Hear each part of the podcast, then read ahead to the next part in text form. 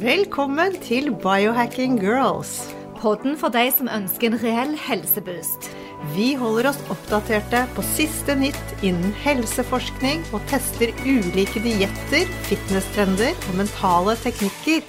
Ja, bli med oss på en spennende reise der målet er å lære hvordan din kropp kan heales, hvordan du kan aldres i revers, og hvordan intuisjonen din kan styrkes, sånn at du tør å stole på egne helsevalg. I dag har vi besøk av Henning Karwowski.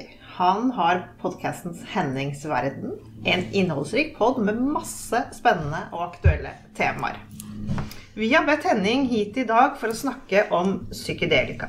Vi vet at biohackere er interessert i dette for optimal helse. Vi er både skeptiske og nysgjerrige på dette kontroversielle temaet. Velkommen til Biohacking Girls, Henning. Yes, tusen takk.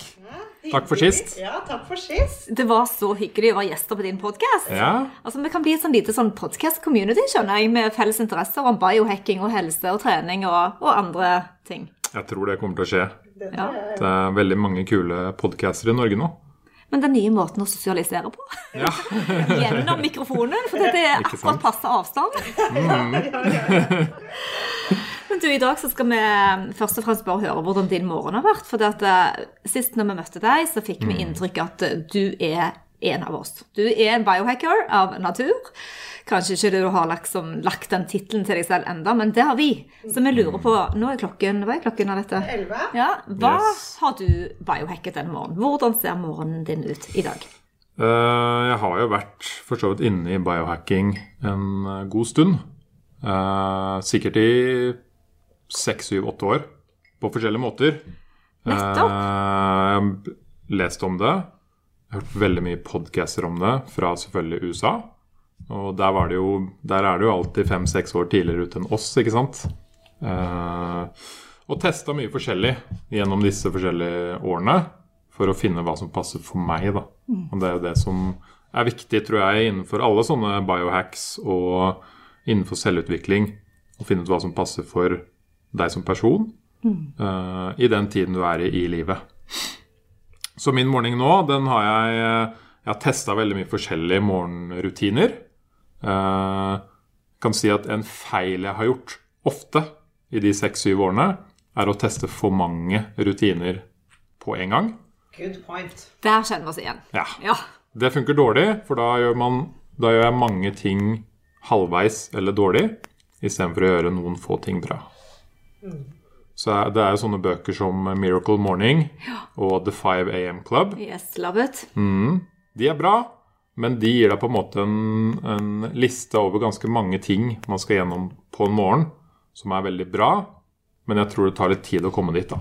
Ja, at du starter kanskje med én ting. Yes. La deg inspirere av alt, men at man må liksom eh, lande på noe. Ja. Når står du opp? Jeg står opp rundt syv, og da våkner jeg egentlig av meg selv. Stort sett. Eh, og da går jeg ned til en sånn stol med planter hvor jeg mediterer i ca. et kvarter. Så enten gjør jeg meditasjon, eller så gjør jeg pusteteknikk. Det spørs litt hva jeg føler på den morgenen. Så da, hvis det er pust, så kjører jeg en sånn standard Wim Hof pusterunde i et kvarter. Og hvis det er meditasjon, så har jeg sånn eh, trans Transcendental meditation, heter det. Ja, jeg bruker det. TM. TM-meditasjon. Kult. Du har et mantra som er hemmelig, så du aldri må dele med noen. Yes. Der er jeg òg. Og det for meg, jeg har prøvd eh, masse forskjellig meditasjon i livet, men den passa godt for meg, da. Eh, og var veldig enkel å ta i bruk, og fikk meg ganske fort inn i dyp meditasjon. Jeg må si at jeg er enig med deg. Det er den letteste form for meditasjon med sine enkle si, ressurser med et mantra. Fordi at eh, jeg følte at jeg jobbet så mye, tenkte for mye på pusten, skulle stenge ut tanker, det ble så mye greier. Men når du går inn i den nesten transelignende repetisjonen av mantraet ditt, så forsvinner på en måte, og så blir det bare bedre og bedre på det. Det er lett, men selvfølgelig komplisert. Øvelse gjør mester. Ikke sant? Ja. Og det handler jo om det at uh, hvis man har et ord som bare er ditt, som ikke har noen betydning, så flytter man fokuset fra på en måte tanker som har betydning, til noe som ikke har betydning. Og da slapper man mer av og havner i dyp meditasjon. I hvert fall for meg, da. Så eh, først den, eh, meditasjon eller pust. Og så leser jeg i et kvarter 20 minutter. Jeg har funnet ut at det absolutt den tiden på dagen jeg eh, leser best og lærer best. Jeg har aldri vært noe glad i å lese, helt til jeg begynte å teste om morgenen. Og da begynte jeg å teste lite på begynnelsen, altså sånn fem sider hver morgen. Og nå er jeg på ett kvarter. 20 minutter. Og nå er det digg. Nå er det sånn, nå, nå syns jeg det er vanskelig å ikke lese om morgenen. Hva leser du? Jeg leser eh, stort sett to bøker på en gang. Én altså en som eh, er om en eller annen form for selvutvikling. Det kan være alt innenfor biohacking. Det kan være ikke sant, en om søvn eller om fasting, om rutiner, hva som helst.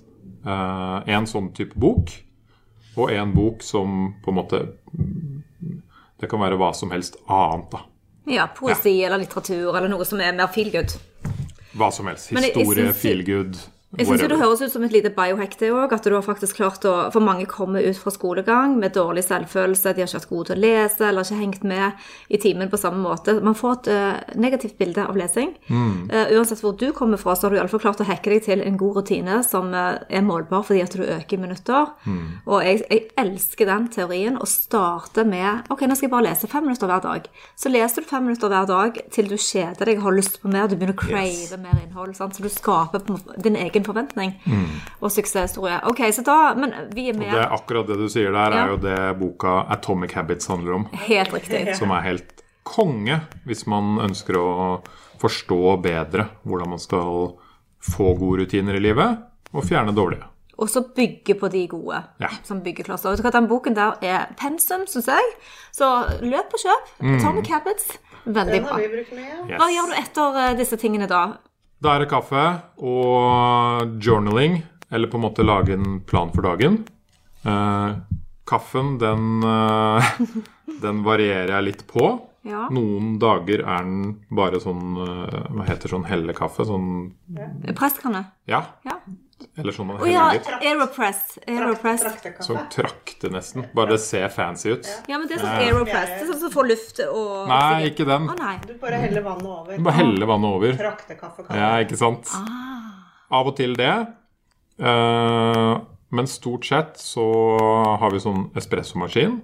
Det blander jeg med altså espresso med MCT-olje. Uh, gurkemeie, kanel og uh, Lions Mane Wow. Og en sopptype til. Ja. Men hva, hvordan virker kanel på Jeg må bare si det. På din tunge? Hvordan den virker på min tunge? Ja. Jeg syns den virker uh, greit. Syns det smaker digg. For det, jeg elsker kanel, og så har jeg da sikkert tatt så mye kanel fordi vi har holdt på å tracke disse i Ja. glukosen, at det plutselig så kjente jeg at akkurat jeg har sånn brent følelse på tunge. Og jeg tenkte, jeg måtte spørre Lett, du hadde litt det samme, og vi har hekket og sluttet med ting og begynt med ting, og, og så tok jeg en tur til fastlegen og måtte bare, er det noe galt med tungen min? Nei, men kan du ta en liten test og så se, og alt var jo fint, og så sier jeg sånn, ok, jeg tror det er kanel. Jeg slutter med kanel. Og da var det helt borte. Oi. Da var det kanelen, da. Men da var det fordi jeg hadde kanskje litt for mye. Ja, jeg har ikke mye. Kanel smaker veldig mye òg. Ja. Og så blender jeg alt. Og så har jeg en eller annen form for eh, ja, kokosmelk eller havremelk eller et eller annet. Ja. En sunn type. En uten, Uten tilsatt sukker. Uten rapsolje. Bra. Og, drikker, og den kaffen nyter jeg jo da som på en måte en belønning for at jeg har meditert og lest. Og så sitter jeg og koser meg med eh, Man kan kalle det journaling, eh, men det jeg i hovedsak gjør, er å finne ut uh, hva er det viktigste jeg skal gjøre i dag. Uh, og det kommer jeg til å gjøre de to neste timene, for da har jeg satt av fokustid. Som betyr at jeg uh, skal fokusere på én til to oppgaver uten distraksjoner. Så jeg øver meg på å få fokus ordentlig tilbake i livet, da. Og fra liksom da syv til 11 så sjekker jeg ikke sosiale medier. Du, dette visste jeg, for dette, Alette og meg har jo VIP-klubb og Megaformon, som er Rolls-Royce innenfor trening, så vi hadde jo så lyst til å invitere deg. Så vi teksta litt i dag med oss. Men han skriver ikke, han er jo ikke på sosiale medier, ja, for dette vet vi jo. For belønningen kommer etterpå når du er ferdig med Yes. rutinen. Så vi visste at vi ikke fikk tak i deg, og at ikke du kunne komme før innspillingen. Ja, ja, jeg er klar for det, jeg. Veldig. Men jeg syns det er fint å sette de grensene, og jeg elsker òg Han Ben Greenfield har jo vært veldig sånn forkjemper for dette med å øh, gjøre det vanskelig først, og så komme til belønningen. For det er en motor i det, en automatikk i det, som driver seg videre. Ja. Absolutt. Men, så du, du, men hva fikk deg til å starte med biohacking? Uh, nei, man uh, finner jo ofte Eller jeg tror man identifiserer at det kanskje er noe som kunne vært litt bedre i livet. Hadde du noen måte. sykdomstegn, eller var det noe som gjorde Nei, at du absolutt ikke. Nei? Eh, det jeg har funnet ut nå, at jeg sliter mest med de siste årene, som jeg tror veldig mange sliter med, er å ha fokus. Jeg tror vi holder på å miste fokus i det moderne liv. Mm. og det har jeg også lest om i flere bøker. Så målet mitt de siste årene har vært å eh, hva skal vi si, reclaime fokus. Få det tilbake i livet. Og da mener jeg ikke sånn sitte i, i en liten stund og skrive litt, men prøve å få dyp fokus, f.eks. en time, på én ting. Og det er kjempevanskelig. Det er liksom noe jeg eh, føler jeg har mista i livet. Du er så spot on for mange unge. Vi har jo veldig mange kunder som er sånn mellom 20 og 28, altså uh, unge folk. Uh, og jeg merker at de sliter med konsentrasjon Ja. og det å ha oppmerksomhet. Og At de sliter med hukommelse til og med. sant? Og jeg merker det selv òg, for det er så mye som skjer rundt oss. Det er mange bevegelser, det er mange distractions. sant? Og så er det én ting jeg tenker på, det er det der evige hullet på internett. Yes. Det evige hullet på podcaster òg. Ting slutter aldri. Nei. Altså, når vi var små, så leste vi en bok, og kapittelet var ferdig, eller boken var ferdig, og du la den bort. Men det er et hull. Spillverden altså Du bare dras inn til neste runde til neste runde. Så jeg tror kanskje at det utfordrer oss veldig på, på, på fokuset. Hva, har du funnet ut hvordan du kan få bedre fokus? Ja. eh, det viktigste er å fjerne distraksjoner. Ja. Ja. Så Hvordan gjør du det, da? Eh, du kan legge mobilen ut av rommet. ja. Du kan øh, Og det er ikke bare mobilen. Med en gang du er på Mac-en eller PC-en, så er det også nettleseren og e-post, ja. som er like mye dis distraksjoner. Ikke sant? Så det er å fjerne de viktige distraksjonene og egentlig øh, bygge opp det rommet eller området du har lyst til å kanskje starte øh, dagen med og ha dyp fokus i. Eh, optimalt, da. For at det ikke er mye ting rundt deg som du ser på. At du hele tiden Oi, jeg må vaske opp det, jeg må fikse de tingene. For det distraherer deg, og det kommer du til å tenke på. Så Det er en annen bok, Deep Work. Den er også helt konge. Den handler bare om det. Deep work. On my list now. Så fokus tror jeg veldig mange sliter med i dag. Og det er ikke sikkert alle vet det. Uh, men uh, litt som dere sa, man ser jo hvordan folk uh, faller ut av samtaler eller av oppgaver de har fått, ikke sant, og ikke klarer å sette av tid til å jobbe med den tingen. Men du, jeg, vi vokste jo opp eh, Jeg regner med at jeg kan snakke for oss alle, hvor vi begynte med ting. Vi begynte Jeg røyket, jeg snuste, jeg drakk alt. sant? Jeg bare begynte med alle dumme ting. Og nå har jeg kommet der i livet i ganske lang tid da, hvor jeg holder på å slutte med alle ting. Så, så jeg tenker òg at den, den, den balansen mellom å finne hvor, Har du noen tanker eller råd til eh, både unge og eldre og voksne? Som, hvordan kan man liksom finne en balanse på at man er trigget på lyster, man har lyst til å teste ting, man har lyst til å sprenge grenser, men allikevel finne en balanse på når nok er nok, eller faktisk òg avstå? Ikke som en munk, da, men liksom litt sånn eh, Ja, at man har en, eh, en balanse der. Det er et veldig, veldig godt spørsmål. For det første, når man er ung, så skal man jo på en måte teste ting og lære litt the hard way. Gå på trynet. Ja, det, det er min mening, og det kommer man til å gjøre uansett. Eh, Men så er det jo det, da, å lære litt av de gangene man går på trynet. Og faktisk tenke at uff, har jeg lyst til å oppleve det igjen? Hva har jeg lært av det? Kan jeg gjøre noen endringer som gjør at det ikke skjer igjen? Eh, Det er jo også veldig forvirrende for unge i dag å leve i den hypermoderne eh, samfunnet vi lever i, hvor eh, man hele tiden skal eh, eh, Hvor det hele tiden er noe du må gjøre. Ikke sant? Som du sa, det slutter aldri. Og man føler da kanskje at man aldri når helt opp, da. Så man glemmer å heie på seg selv, og liksom faktisk ta de derre små winsa hver dag. Og fortelle seg selv at man er flink og god og klarer ting. For det er liksom hver gang man har klart noe, så tenker man på neste ting. Istedenfor å liksom Wow, shit, det fikk jeg til. Nå skal jeg ta pause. Og det minner meg på den du snakker om journaling. sant? For det, er én ting å bare skrive ti punkter du er takknemlig for, men du må faktisk føle det òg. Altså, hvis du kan sitte ned og bare ha det sånn takknemlighet for det du skrev i boken, og, og føle det litt òg. Ikke bare 'nå har jeg gjort, nå har jeg skrevet de ti punktene, lukke boken og gå videre'. Done. Done. Ja. Så det er jo Akkurat dette er jo balansen og lærdommen i livet å finne den rette inputen, men òg outputen til det. sånn at du får det ned på papiret og kjenner etter. Og da er man tilbake til det vi snakka om i stad. Å teste én og én ting, og mestre det, er mye bedre enn å teste ti ting og ikke mestre det i det hele tatt. Du tar du noen supplementer? Ja, jeg har en liten eh, Jeg tar vitamin D. Hvor høye doser da? 2000 kanskje, Ja. noe sånt. Flott. Ja. Eh, og så tar jeg Det er sånn vitamin D og K sammen, tror jeg. ja fra mm. kanskje. Ja.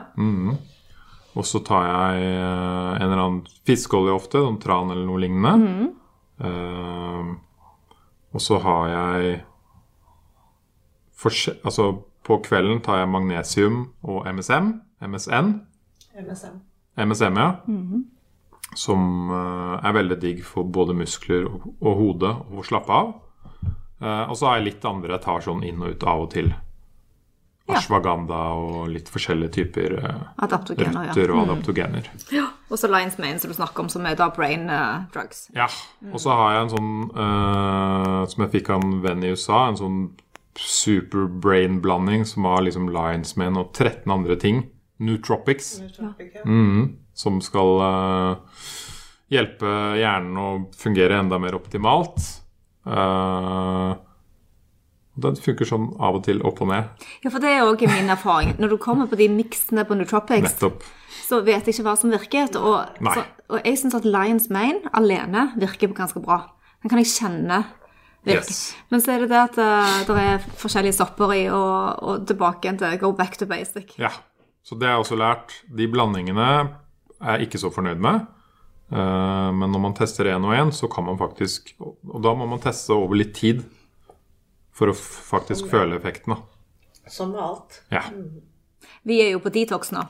ja. Vi er på supplement-detox. Fy søren, jeg tror kanskje at jeg har overdosert kroppen min med supplementer. Yes. Og ikke bare dette året, men sånn i lang tid. For at eh, jeg glemte litt ut at den multivitaminen, som er for øvrig helt amazing fra Life Extension, den har 100% dekning på alt du trenger av mineraler og vitaminer. Den er ikke sterk, men jeg tar to til dagen. Den heter two per day. Den har jeg tatt i fem-seks år, men jeg har aldri kuttet den ut bortsett fra ved en blodprøve. Sånn en uke. Og nå eh, tok vi en hel måned uten, og, og alle de andre supplementene vi bruker, for vi har jo tatt ekstreme doser.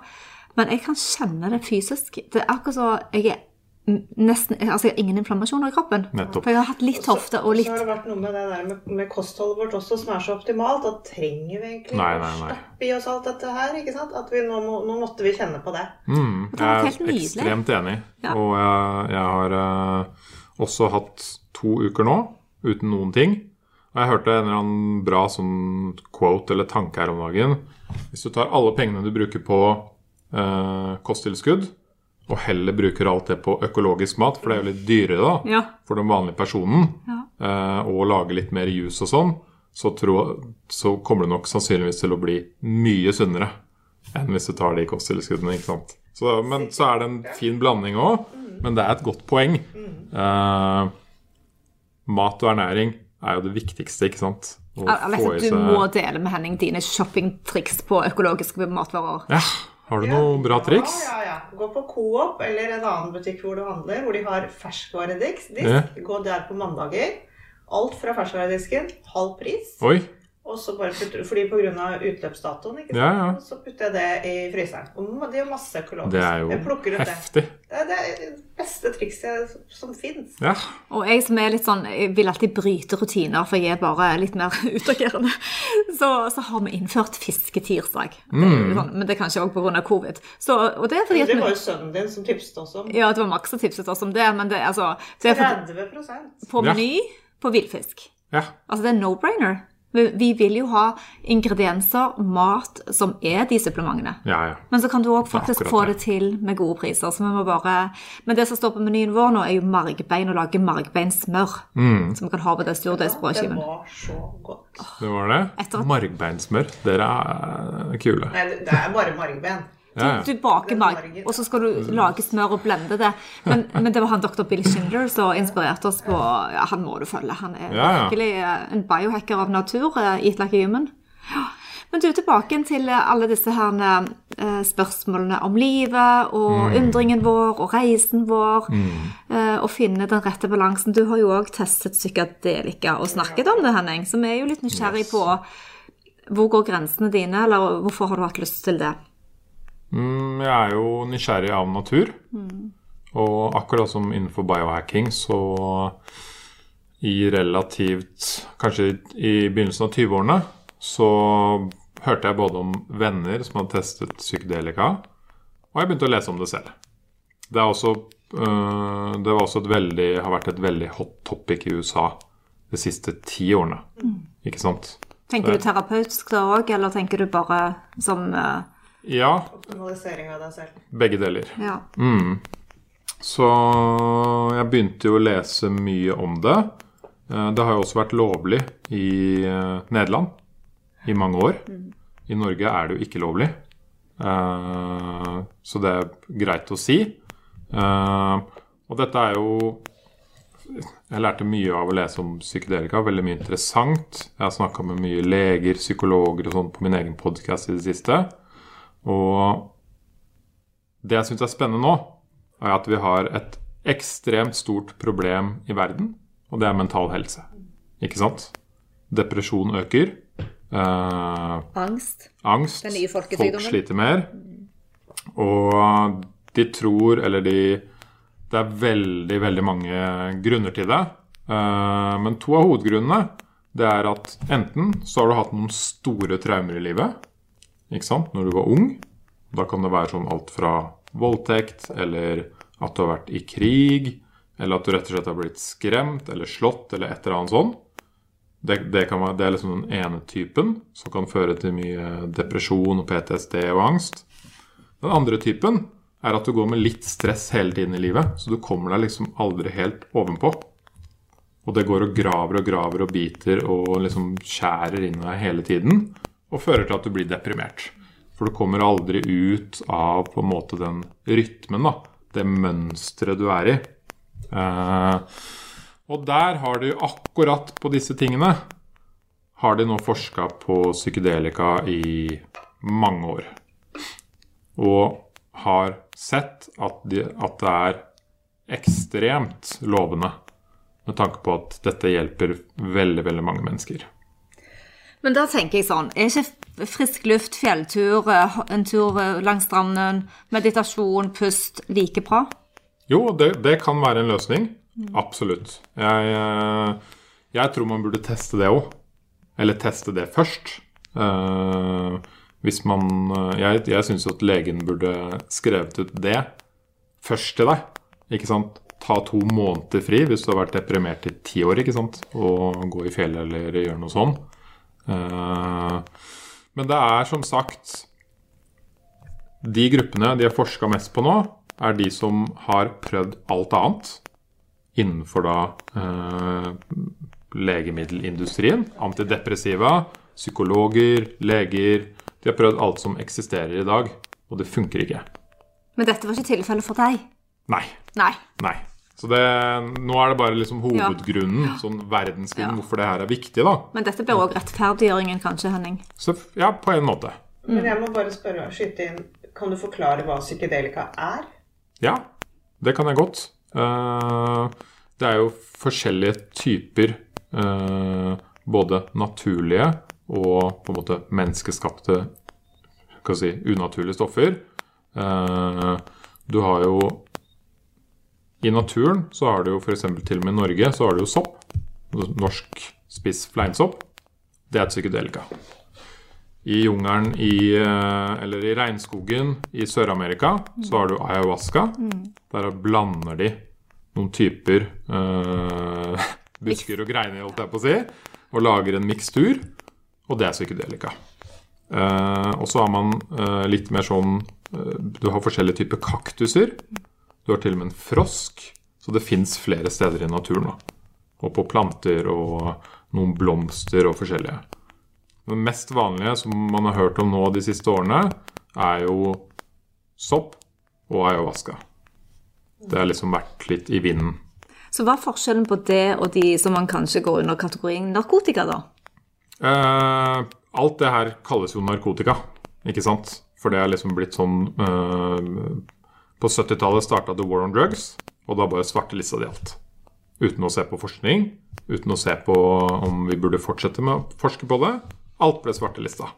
Men de klarte selvfølgelig å begynne å forske igjen senere. Eh, så alt kalles narkotika nå.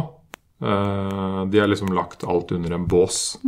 Men når kaller man det narkotika, og når kaller man det medisin? Hva, hva, hvor, hvor er disse grensene? Se bort fra at alt er ulovlig, men Ja, ikke sant?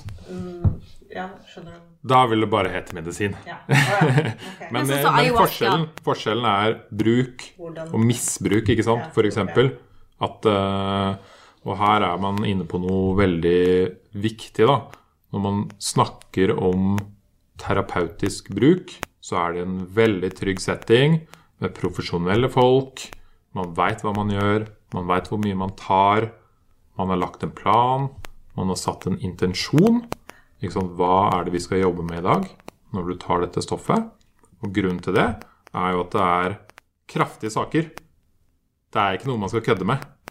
Men der er jo òg utfordringen. Jeg har mistet mange, eller flere, eh, nære fra Stavanger da, som har fått et rusproblem etter å ha testet. Og man vet jo ikke hvem som er disponert for dette. Og denne ukens podkast, vi hadde en episode om CBD-olje. Og der deler jeg bl.a. hvor forferdelig det var for meg å røyke weed, fordi at eh, jeg fikk noia. Jeg kom ikke ut av det. Nei. Og jeg trodde jeg skulle bli sinnssyk. Og siden det så har jeg aldri turt å røre noen ting. Og jeg må bare si at jeg er mot, motstander. Jeg er helt imot narkotika. Eh, jeg er åpen for at noen kan behandle mennesker og så se på, på type medisinering. Men uh, i utgangspunktet så tenker jeg at uh, vi er for egostyrte. At vi må slutte med denne egoismen vår og hele tiden optimalisere eh, når det går litt i grenseland. Rive sånne type ting i deg òg, at du står mellom si, barken og veden? Det er et uh, veldig godt spørsmål, og hvis man Det er jo noen ting jeg vil kalle for narkotika, da, fordi de er avhengighetsskapende, ikke sant? Uh, kokain, f.eks., det er utelukkende negativt. Det har ikke noen helbredende effekter. Uh, du blir egoistisk, og så er det dyrt, og så blir du kjempeavhengig. Ikke sant? Det er ikke bra. Det er ikke, det, er ikke, det, det er ikke noe terapeutisk. Det kan ikke hjelpe folk. Uh, og så har du jo flere ikke sant, Amfetamin. Samme greie. Det er ikke noe bra for deg. Det er ikke noe sunt å ta heroin heller. Så det, det vil jeg kutte i en sånn egen uh, boks som liksom Det ville ikke vært noe fordel å gi dette her til folka våre. Uh, det er ekstremt avhengighetsskapende, ødeleggende for deg og ødeleggende for de rundt deg. På lik linje med både sukker og alkohol, spør du meg. Ikke sant? Kanskje, ja. Eh, og så er det et problem i, i samfunnet, og dette er jo en veldig sånn kompleks ting å tenke på. Uh, men de har jo forska. De har uh, gjort en stor forskning på alle rusmidler. Og så har de sett på uh, hvor skadelige de er mot deg selv, hvor skadelige de er mot andre. Og det har de sett på med 20 faktorer. Jeg kan bare nevne noen av de. Det er bl.a. vold mot andre, selvskading, sykehusinnleggelser, dødsfall, psykoser, sånne type ting. Henta inn data. Og på topp av den lista, det verste av alt, er alkohol. Det forundrer Ja. meg ikke. Ikke sant? Så det er liksom sånn Der eh, Det Det burde man lære å tenke litt på, da. På bunnen av den lista, det minst farlige av alt, mot deg selv, mot andre, er sopp. Ikke sant? Og det, dette er en stor offentlig forskning som ble publisert i en av de aller beste forskningsmagasinene i verden, som betyr at veldig mange forskere går god for det. Dette er liksom good shit. Eh, og det sier jo litt om at f.eks. marihuana er sånn litt under midten.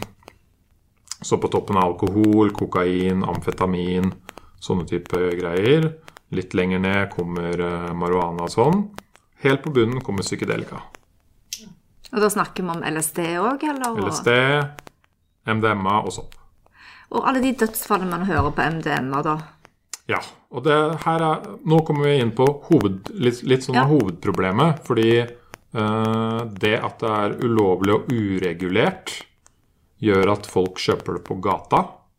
Så dette er en kjempevanskelig eh, tanke, men det gjør at folk kjøper det på gata. Og på gata får du aldri tak i ren MDMA. Så du får ofte eh, MDMA som er blanda med amfetamin, og så putter de oppi kanskje litt vet ikke jeg, kokain eller andre ting. da De blander ut, så du veit ikke hva du får. En veldig vanlig ting man får, er noe som heter PMMA. Og det funker litt som MDMA, men det tar mye lengre tid. Og hva er det folk gjør da? De tar litt MDMA, og så er de på fest, og så bare Nei, men dette var jo ikke noe gøy. Jeg tar litt til. Og så bare Nei, det funker jo ikke. For noe dårlig dritt. Så jeg tar bare resten. Og så plutselig funker alt på en gang. Og da, det, det, da kan det være kjempefarlig, ikke sant. Men det er jo ikke rart man blir skremt. Nei. Og det er jo det som er liksom eh, også eh, det viktige å vite, da. Og, og viktige å tenke på rundt det her, at eh, det er eh, sterke stoffer som man må ha stor respekt for. Og gjør man det feil sted, i feil setting, med feil folk, så vil man få en dårlig opplevelse. Skrem oss litt. Fortell når du har blitt dårlig. Jeg har hatt veldig lite dårlige opplevelser. Dessverre. Jeg har, eh, jeg, jeg har vært veldig forsiktig. Jeg har gjort det i land hvor det har vært lov. Jeg har gjort det med venner og bekjente jeg virkelig stoler på. Pass på hverandre og vil hverandre utelukkende godt. Og jeg har gjort det i riktige tider i livet. Så det, for meg har jeg vært veldig heldig. Eh, men jeg har jo hørt om folk som har eh, Jeg har én venn som var på guttetur i Amsterdam. Han hadde prøvd sopp før. Han likte det veldig godt, for det hjalp han med, med angst og noen problemer han hadde i livet. Og så var han på guttetur, og da var det sånn guttastemning ikke sant, på rommet. Og de skulle røyke masse, og de skulle ta opp. Og han hadde ikke lyst, han sa nei. Men det ble liksom gruppepress og, og liksom Vi gjør det, vi gjør det. Og så sa han ja til slutt, og hadde en grusom opplevelse, ikke sant. Ekstremt stressende og, og en smule traumatisk. Så han har aldri prøvd det siden. Har du hørt dette begrepet ego death? Yes. Kan du fortelle oss hva det er? Uh, hm. Når man tar disse stoffene, spesielt uh, Spesielt da kanskje de som er Altså de, psykedelika, da. Ikke, ikke MDMA. Nei. Eh, så er det jo forskjellige grader av hvor, hvor holdt jeg på å si, tripped out, hvor mye effekt man får. Det er, veldig, det er forskjellige stadier eh, i forhold til hvor mye man tar. Og ego death, da har du nok tatt en ganske voksen dose med f.eks. sopp, og kommet til et sted hvor eh, du, har, du er ikke i kontakt med kroppen din lenger. Så du er på en måte utenfor din egen kropp. Og så er du også utenfor på en måte ditt eget sinn. Så du er et, på en måte et intet. Du er utenfor ditt, ditt eget ego. Eh, og da kan du oppleve det som heter egodød. Da. Sånn du, du disconnecter deg helt fra på en måte deg selv. Eh, og, og ser deg selv kanskje utenifra i et perspektiv du aldri ellers kunne sett deg selv. Og, Og så håper man da i beste fall at man kommer ut av det. For vi eh, kjenner en person da som ikke har kommet ut av det, som fremdeles ligger inne etter, og det var jo type stopp. Men jeg har litt lyst til å spole tilbake til nootropics, for det er på en måte Jeg kan legge til det, da. Ja, Det er jo noen ja. regler Ja. Uh, innenfor denne verden som, uh, som man må vite om. Og det er man skal ikke ta det hvis man f.eks. har hatt psykose før. For det kan bare kickstarte psykosen igjen. Uh, eller hvis man har tendenser til å få psykose. Så hvis man har slitt mye med, med det i livet Man skal ikke ta det hvis man går på antidepressiva. Det er ikke bra. Eh, Det kan virke mot sin effekt, ikke sant? Og utbalansere eh, hverandre på en veldig dårlig og negativ måte. Og så er det de grunnreglene som man, som man burde Hvis man skal gjøre det, hvis man er i utlandet på et trygt sted f.eks., så er det jo det at eh, aldri gjør det fordi det er på en måte kult og tøft og du har lyst til å gå rundt og skryte av det. Uh, gjør det fordi du har en intensjon, og gjør det virkelig et trygt sted med få folk man stoler på. Fordi man kan få en veldig stor opplevelse under en sånn reise, som kan være veldig på en måte uh, givende for livet. Veldig positivt, veldig terapeutisk. Det kan rydde opp mange ting i hodet ditt. Eh, på den andre måten kan det gå helt andre vei hvis du gjør det med dårlige folk. Og da, Takk for den eh, forklaringen, Henning. Men jeg, vi er jo kvinnelige jentebiohackere, så vi ønsker jo litt mer sånn mykhet rundt det å optimalisere helsen. Og nå snakker jeg òg om den mentale helsen. Så derfor, det mest ekstreme vi tenker på, er jo da type D-vitaminer og nootropics, og Ja, ja. meditere og være i stillhet. Avstå fra en del ting når det gjelder matvarer. Rense opp. Nesten sånn munketilværelse, eller nonne, da, for å si det sånn. Eh, For det syns jeg er spennende, og meg har lett å dele veldig det at vi, vi craver liksom det vanskelige, hvor du virkelig må jobbe for det selv, og ikke bare holdt på å si, ta en pille eller få de enkle løsningene. Vi ser òg at mange, Det er, det, er, det er ikke en enkel løsning. Nei, det det- kan jeg si. Det er en jobb du må gjøre i hodet ditt. Så og, og sånn som mange av de mannlige biohackerne som er litt mer ekstreme eh, i uttesting av eh, Ja, det er mange som bruker f.eks. nikotin som en nootropic. Ja, det har jeg hørt om. Ja, eh, og den er jo selvfølgelig avhengighetsskapende, den òg. Og det er jo å finne balansen på de supplementene du tar som ikke gjør deg avhengig. Du Så- leker jo litt med, med ilden, holdt jeg på å si, når du skal teste nikotin og sånne type ting. Ja, tenk hvis du dro i, i et jeg håper jeg, et kloster, da. Si du drar ned til Frankrike eller Spania, og så skal du være munk i to uker. Det må jeg tenke er en spennende innoverreise, det òg. Det må jo kreve litt mer. Jeg hadde en, jeg hadde en uh, jente på podkasten min som heter Mariana. Hun hadde vært på ti dagers uh, sånn uh, silent Retreat. retreat. Ja. Og hun sa, og hun har også prøvd psykedelika. Og hun sa det stedet jeg kom til på dag åtte eller ni, det var samme stedet jeg kom til på en stor dose psykedelika. Det, så du kan få det samme av fast, ikke fasting, men uh, av å meditere. Og en annen jente jeg snakka med, hun hadde fått det samme i floating tank som når hun hadde tatt psykedelika. Så man kan finne de samme banene i hjernen ved å gjøre andre ting. Jeg kjenner en dude fra California. da. Han tok en del eh, sopp. eh, Jeg var aldri sammen med han gjorde det. Men han har gått over til disse stille retreatene som varer i minst ti dager. Som, De er jo gratis. Fins Finnes i Sverige, og jeg tror til og med de har vært i Norge. Men, men han sier det at han får større utbytte av det, så han har kutta soppen helt ut. da.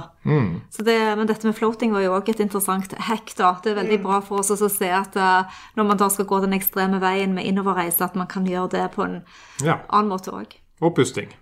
Og ja. Mm. ja. Så hva er planene videre, da? Altså, hvor går veien din med podkasten, og hva er dine jeg lidenskaper nå framover, Henning? Eh, Jeg driver med mange forskjellige morsomme ting i livet. Eh, Jeg arrangerer festival i august, forhåpentligvis, i Telemark, som er utsolgt allerede. Som handler om hva? Den handler om eh, å samle fantastiske mennesker og skape en trygg og inkluderende plass hvor man kan eh, på en måte slå seg løs og være fri fra hverdagen. Det er som en tredagers meditasjon med helt magisk musikk, kjempegod mat, fantastiske mennesker. Så det er i, i herlig norsk natur. Så det vi, vi har hatt fester i Oslo i åtte år, og det digger vi. Men vi digger også å dra disse byfolka ut av byen og inn i naturen. Fantastisk. Bor man Så det er heter Monument. Ja. Mm. Ser du på T-skjorten din? Yes. Ja. Og alle de bokstavene under, hva står de for? Det er egentlig lokasjonen her i Oslo. Ja. Mm. Så, så du jobber med den festivalen. Jeg Håper det går greit. Og så, når du startet podkasten din, da, hva, hva var ambisjonene dine med den? Uh, For øvrig en veldig kul Det podkast. optimale hadde jo vært å, å leve av å drive med podcaster og å arrangere festivaler og events. Kultur, egentlig, da. Det hadde vært det optimale. Det, jeg, det er det jeg brenner for å prøve å få til. Eh, så det får vi jo se i framtiden. Det får Og- du til. Ja. Og grunnen til at jeg starta podkast, var egentlig bare at jeg, eh, jeg har lytta til det i mange, mange år. Jeg så at det var et uh, behov for det i Norge. Uh, det fins en del bra podcaster, men mange av de er også akkurat bare som at det er en person som satt og hadde radio, og så bare Oi, podkast er kult. Jeg flytter radioprogrammet mitt og kaller det en podkast, men så gjør det egentlig helt det samme. Eh, Jeg liker å snakke med fantastiske, interessante mennesker og gå dypt i temaer de brenner for. Da. Ja, vi trenger en stemme. Vi trenger flere stemmer ut. Flere stemmer. Sånn at vi selv kan få eh, et lite kick til å endre på ting og fastlåste mønstre og tanker som vi har. Så, så det er veldig spennende å følge podkasten din, og vi er jo òg nye sånn sett på markedet. Og har litt eh, Vi har jo etablert dette i kjølvannet av nedstenging, og vi Ja. må tenke kreativt. Og, og vi vet jo ikke helt hvordan det går. Eh, hvordan eh, hva- Et veldig turbulent tema, men jeg må bare spørre deg, har du gjort deg noen refleksjoner rundt eh, vaksiner? ja. Monica. Det er lov å snakke rundt grøten. Jeg har ikke tenkt å dele så mye selv, men eh, ja. Det er et uh, Jeg syns det er et uh, vanskelig tema, for så vidt. ja det er jeg. Eh, Det er vi enige om. På den ene siden så snakker man jo om fri vilje som person og individ til å ta de valgene man selv vil ta. Det er liksom det ene argumentet jeg hører. På den andre siden så snakker man om at man må komme opp til et visst nivå, og det kaller man herd immunity, for at det skal funke. Eh, 50-60 dekning. ja, er er eller mer. Jeg tror det er mye mer. er 80. 80. Er det så mye? Ja, ja. Og man må komme dit, og det vil også da bremse covid, og bremse disse nye typene covid, mye bedre enn enn hvis man på en måte ikke klarer å komme til sånn herd immunity, da. Eh, personlig så hadde ikke jeg Jeg hadde ikke selv Jeg er en veldig sunn og frisk person. Jeg hadde ikke selv trengt vaksinen. Men så må jeg spørre meg selv Vil jeg ta den for mormor? Det syns jeg på en måte Det er der jeg ender opp, da. Vil, vil jeg ta den for uh, den eldre generasjonen, som kanskje kan bli syke av den, og kanskje dø lett? Valget for meg er lett på den måten, da, når jeg tenker sånn. Jeg syns dette er så gode refleksjoner, og det, holdt på å si, vi er så heldige at vi er så unge og har ikke fått tilbud ennå. Mm. Yes. Så vi får litt tid til å tenke på det. Ja, ja, ja. Men jeg tror det er en viktig diskusjon. Og så må jeg tilbake til dette med egoet vårt, at eh, vi må se litt utenfor oss selv og Mm. vurdere litt. Grann. Ja, så må vi ikke glemme å stille, stille oss spørsmålene. Vi må, ikke, bare- vi må ikke bare følge på. Vi må bli flinkere til å lytte til hva vi selv føler. Yes. Det er jo en biohackers eh, Ja. eh, viktigste utgangspunkt. Når du drar til legen eller når du møter utfordringer, at du stiller spørsmål, ikke bare tar alt for god fisk. Mm. Ja. Ja, det er det jeg liker, da. Å stille spørsmål, men å lene meg på forskning og fakta. Eller eh, i hvert fall det som er tilgjengelig av forskning og fakta. Eh, og basere mine valg til slutt på det, og ikke på eh, Og det er vanskelig, men da kanskje ikke på hva jeg føler alltid. Eh, fordi man føler jo ikke for å ta en vaksine, kanskje. Men hvis det hjelper mormor og morfar eller en syk mor eller noen som sliter med hjertet sitt, eller noe sånt, og det skal til for å bli kvitt den dritten her, så gjør jeg det, liksom. Så Du, det er der jeg havna. Det er altså så hyggelig å snakke med deg, og vi vil ha deg tilbake igjen på et senere tidspunkt. Ja, ja, eh, Kanskje i forbindelse med festivalen din. Og, men siden eh, vi, vi pleier ofte å stille gjestene våre dette spørsmålet. eh, Hva ligger på tallerkenen din til lunsj eller til middag? Er det noe spesielt som går igjen, som du alltid spiser? Nå har jeg en veldig flott kjæreste som lager så sykt mye god mat til meg. Har sett litt på Eller vi lager det sammen. Vi lager det sammen. uh, hva er det som typisk ligger der? Vi har spist mye quinoa. de siste årene.